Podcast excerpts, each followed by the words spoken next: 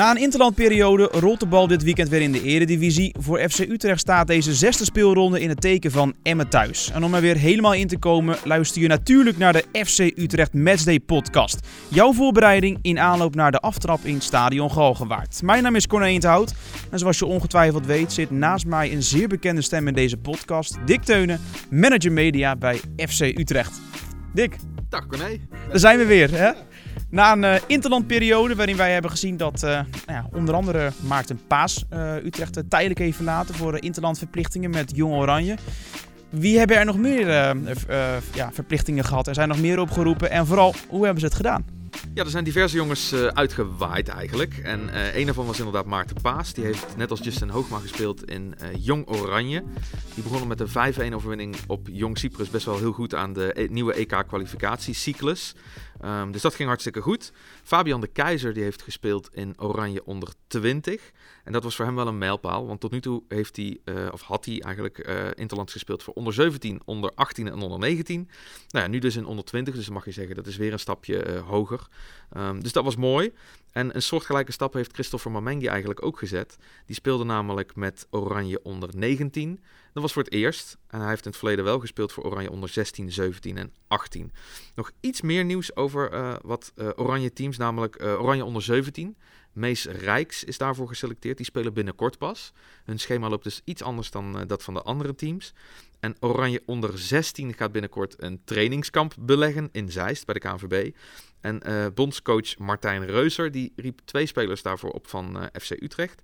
Keeper Mickey van Sas en spits Aurelio Oelers. En Aurelio Oelers die is in ieder geval in topvorm.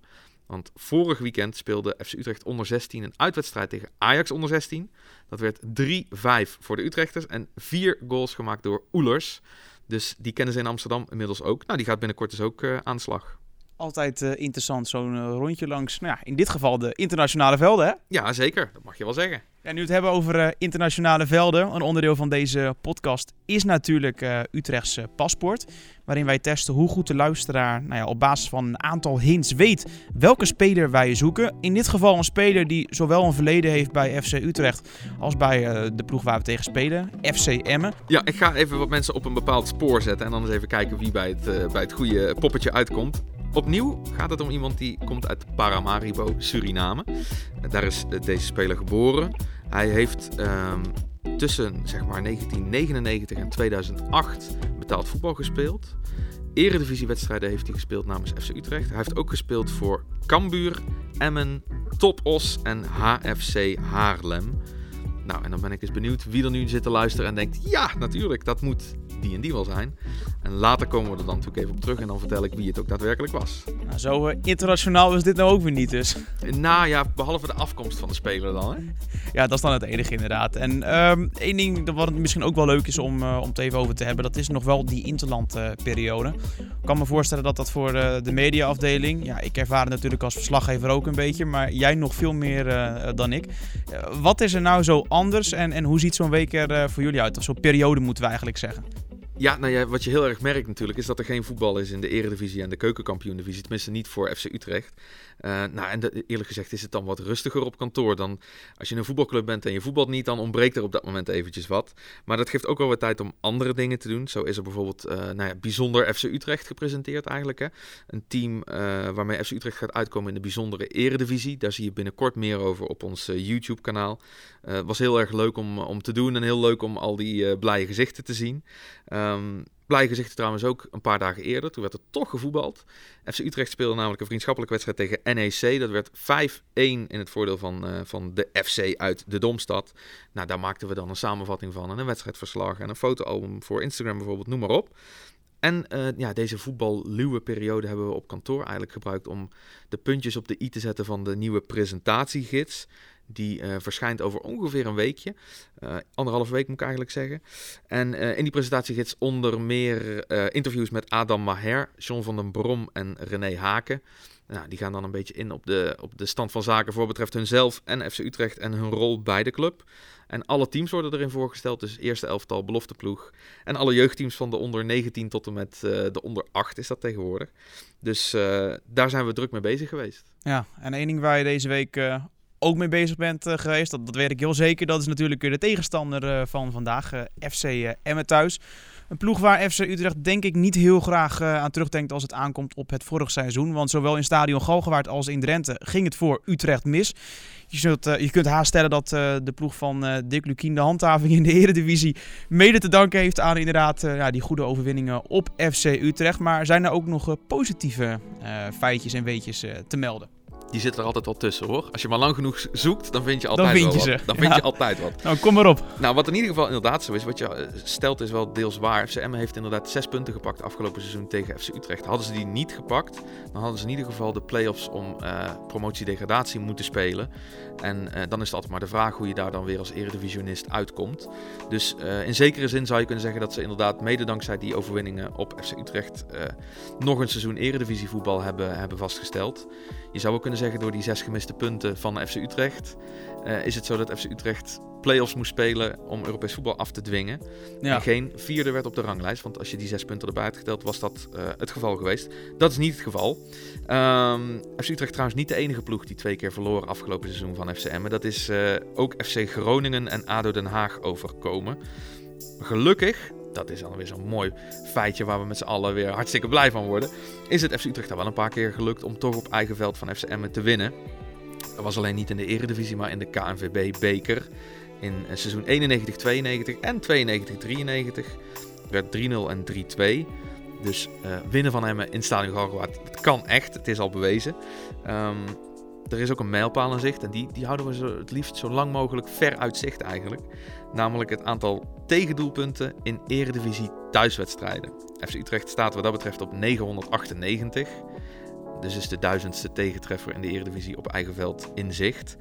Um, vijf clubs die hebben die al moeten incasseren. Dat zijn Sparta, Willem II, NAC Breda, Feyenoord en ADO Den Haag dan zou je kunnen zeggen dat is een hele negatieve statistiek. Is misschien ook niet de meest positieve. Aan de andere kant, je kunt pas echt veel goals tegenkrijgen in de Eredivisie als je ook heel lang op dat niveau speelt. Um, dus er zijn heel veel teams die er misschien bij wijze van spreken nog jaloers op zouden zijn. Ehm, FC Emmen dat is mijn laatste feitje in, dit reeks, in deze reeks, hield nog nooit de nul in een uitwedstrijd in de Eredivisie. Ze hebben toch al 19 gespeeld inmiddels in hun clubgeschiedenis. Het is er nog nooit gelukt om uh, daarin de nul te houden. Waar we in ieder geval met z'n allen heel goed op moeten letten zijn de standaard situaties van FC Emmen. Want drie van de vier goals die ze dit seizoen maakten in de competitie, die ontstonden uit zo'n standaard situatie. Dank voor je feitjes en weetjes. Dan is het nu tijd om uh, voor te beschouwen op het duel. En dat doen we met uh, aanvoerder Willem Jansen en met rechtsback Sean Kleiber. Ja, die zijn wel, bij extra, zijn wel extra getergd, ja. Maar... Merk je dat op de training?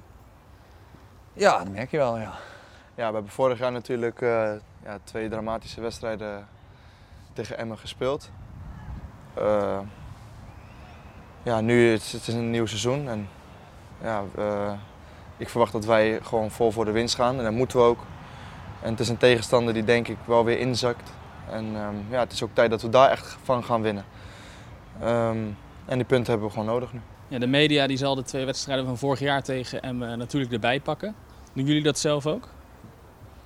Nou, niet, zo, niet zozeer. En, uh, natuurlijk, ja, je, je, weet wel dat Emmen een, uh, ja, een, een, een, echt niet zomaar een ploeg is waar je, waar je overheen loopt. Uh, ze hebben vorig jaar bewezen wat voor, een, ja, wat voor goed teams kunnen zijn. Ze, ze zijn niet goed gestart nog qua resultaat dit seizoen, maar uh, ze spelen wel echt als een team en hebben echt wel wat jongens die, die daar ook verschil kunnen maken. Dus uh, ja, daar, je bent altijd wel, je houdt altijd rekening met de tegenstander. Maar het is meer natuurlijk dat wij kijken naar ons eigen spel en, en om dat weer uh, te verbeteren en, en, en ja, terug te gaan naar, naar ja, die paar wedstrijden voor, voor Twente, zeg maar. En, en dat je daarin dat weer op de mat kan leggen. Wat ik al zei, M is een tegenstander die waarschijnlijk gaat inzakken. En wij moeten een keer gaan winnen van zulke tegenstanders. Duidelijke taal van zowel Sean Kleiber als Willem Jansen. Het is nu tijd om uh, ja, toch eventjes uh, te hebben over de FC Today, uh, Dick. Het programmaboekje die mensen ja, kunnen scoren op tal van punten in het stadion. Goed leesvoer, zo richting de aftrap in stadion Galgenwaard. Wat staat er vandaag in? Nou, wij zaten natuurlijk voor de presentatiegids toch al met Adam Maher. Toen hebben we besloten om ook maar meteen voor de FC Today even aan de tand te voelen. Dus een interview met Adam Maher, de man die op de Dom werd gepresenteerd afgelopen zomer en inmiddels een basisplaats heeft veroverd bij FC Utrecht. Daar, uh, daar lees je dus meer over. Ehm, verder staat er in de FC Today onder meer een poster van Simon Gustafsson, de Zweedse middenvelder. En uh, kom je onder andere portretjes tegen van oude bekenden. Donny de Groot, Eriksson Danso en Ruud Berger. En nog veel meer natuurlijk. Mooi hoor. Ja, altijd leuk. Ja, en die FC Today, even voor de duidelijkheid, die uh, kunnen mensen onder andere scoren als zij het stadion uh, binnen zijn gekomen. Hè? Ja, klopt. We hebben een, een toegewijd team van vrijwilligers, mag ik wel zeggen, die altijd de FC Today verspreiden bij alle ingangen van het stadion. Um, dus als je naar het stadion komt, dan kom je vanzelf iemand van het verspreidingsteam tegen. En dan kun je je eigen FC Today scoren, inderdaad. Nou, mooi uh, voorzetje van mij. Jij uh, kopt, hem, inderdaad uh, binnen. Uh, ja, voor degenen die zo meteen naar het stadion komen, zijn er nog bepaalde dienstmededelingen waar mensen rekening mee moeten houden? Levendigheid, zowel in het stadion als daarbuiten. Ja, die heb ik toch wel weer een aantal, de dienstmededelingen. Ja, dat officieel moment natuurlijk. Um, het fanplein, dat is er weer. Deze keer is dat er vanaf kwart over zeven en staat het er tot ongeveer tien over half negen. Dus dat wil eigenlijk zeggen tot vijf minuten voor de aftrap. Um, naast een terras met muziek, een foodtruck, voetbaldarts en de Omhaal Arena tref je daar deze keer ook Dikke Bertha. En uh, bij Dikke Bertha kun je laten meten hoe hard je kunt schieten. Ja, dat is Dikke Bertha. Dikke Bertha, ja. En dat is een primeur. Dikke Bertha op het fanplein is daadwerkelijk een primeur. Um, en de caravan van de fanshop staat er natuurlijk ook. Dus je kunt daar ook meteen uh, nou ja, wat uh, leuke mooie artikelen aanschaffen als je dat toch bent. Wat verder goed is om, denk ik, even te vermelden, is dat er vrije kaartverkoop is voor de wedstrijd van vanavond. Dus als je uh, een kaartje wil kopen, heb je daar geen seizoenkaart of clubkaart of wat dan ook voor nodig. De stadionkassa's zijn vanaf kwart voor zeven open. Daar kun je daarvoor terecht. Je kunt ook kaartjes kopen via fcutrecht.nl. Um, en dan wel een heel mooi moment. Dus wat dat betreft eigenlijk de tip om op tijd uh, je plekje op te zoeken. Oh? Ja, want voorafgaand aan de wedstrijd wordt namelijk uh, Noël van het End gehuldigd. Noël komt uit Houten en hij werd onlangs wereldkampioen judo. In Tokio versloeg hij, dit ga ik eventjes oplezen, in de finale Shoichiro Mukai. En ja, dat, dat, kun je niet uit je hoofd inderdaad. Shoichiro Mukai. En dat was nogthans de publieksfavoriet en uh, lieveling. Maar die werd toch echt uh, verslagen door onze eigen Noël, mogen we dan eigenlijk wel zeggen. Hij werd daarmee de eerste Nederlandse judoka die beslag legde op de wereldtitel sinds 2009. En zelfs de eerste mannelijke judoka die dat deed sinds Ruben Haukes in 2007. Nou, hij maakt dus een, uh, een ereronde in Stadion Galgenwaard voorafgaand aan de wedstrijd. Blijft toch mooi om te zien hè? hoe uh, mensen uit de regio die weliswaar een, een andere sport beoefenen, maar toch als ze succes hebben, de kans krijgen om te worden gehuldigd in, nou ja, dat kunnen we stellen, het stadion van, uh, van hun provincie. Ja, dat is, de ervaring leert eigenlijk dat het voor de desbetreffende sporters heel leuk is. Die, die genieten daar wel van. Uh, maar hetzelfde geldt eigenlijk voor FC Utrecht en meer in bijzonder eigenlijk de supporters van FC Utrecht. Die vinden het ook mooi om uh, nou ja, hun lokale, regionale sporthelden dan toch ook vanaf de tribunes nog een keer uh, aan, te, aan te moedigen, toe te juichen eigenlijk. Dat gebeurde bijvoorbeeld al met Germaine de Randami, die natuurlijk een UFC-wereldtitel won. En met Daphne Schippers, die eigenlijk overal ter wereld ja, de, de keien uit de grond rent. En nou ja, dat is altijd hele, hele bijzondere momenten. Dus misschien wel een keer een, uh, een leuke uitdaging voor uh, Girano Kerk tegen Schippers. Dat zouden we een keer kunnen organiseren, ja, een sprintwedstrijdje. Ben ik benieuwd wie er gaat winnen inderdaad. Oké, okay, dat, dat, gaan we een keer doen. Dat is, dat is een mooie. Ja, die zetten we op de agenda. Die zetten we inderdaad op de agenda. En dan is het nu ook uh, tijd, denk ik, om te gaan onthullen. Ja, wie we nou eigenlijk zochten bij Utrechtse paspoort. Jij hebt het ook niet met mij gedeeld, dus ik laat het ook gewoon over me heen komen. Ja, nee, ik ga ook jou nu verrassen. Maar het gaat in ieder geval om niemand minder dan Rodney Cairo. Rodney Cairo die begon zijn eredivisie carrière dus in 1999-2000 bij FC Utrecht. Toen speelde hij dat seizoen zelfs 25 eredivisiewedstrijden. Dus mag je wel zeggen dat het een, uh, nou ja, een relatief vaak terugkerende uh, man was in het, uh, in het vlaggenschip van de FC. Het seizoen daarna speelde hij nog één eredivisiewedstrijd. En daarna heeft hij eigenlijk alleen nog maar in de eerste divisie gespeeld. Dus voor Cambuur, Emmen, Toppos en HFC Haarlem. En later heeft hij nog afgebouwd, mag je zo zeggen. Laat ze het daar trouwens maar niet horen. Maar bij uh, Rijnsburgse Boys, Young Boys en Odin 59. Dus we zochten deze keer Rodney Cairo. Ja, het blijft toch altijd mooi om te zien hoe mensen eerst in het betaalde voetbal actief zijn. En dan toch te veel liefhebber zijn om uh, gelijk te stoppen. En toch nog eventjes lekker te voetballen uh, op hoog amateurniveau. Hè? Ja, de liefde voor de bal die is onvoorwaardelijk hè, bij die mannen.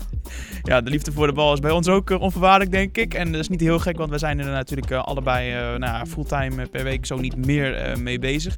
En dit, ja, dit was hem denk ik alweer, Dick. De, de derde FC Utrecht Matchday podcast. Vandaag dus volledig in het teken van de wedstrijd tegen FCM. Over twee weken, dan zijn we er weer, want dan is het Willem II thuis, hè? Ja, nee, dat klopt. Dan zijn we er weer. Ik zou willen zeggen, als je eh, geluisterd hebt, abonneer je eventjes op deze podcast. Als we dan weer een nieuwe uitbrengen, dan komt die eh, in het vervolg gewoon mooi als, als soort van notificatie op je telefoon. kun je meteen luisteren. Handig. Laat even een, ja, super handig. Laat ook even een review achter. Ehm, in de podcast-app van Apple geef ons eventjes uh, vijf sterren als je dan toch met je telefoon in je hand zit. Daar worden we blij van. En dan is dat ook weer goed voor de notering van deze podcast in de hitlijsten. Dus nou ja, dat zou heel fijn zijn. Laatste woorden voor jou, Dick. Ja, bedankt allemaal. En tot de volgende.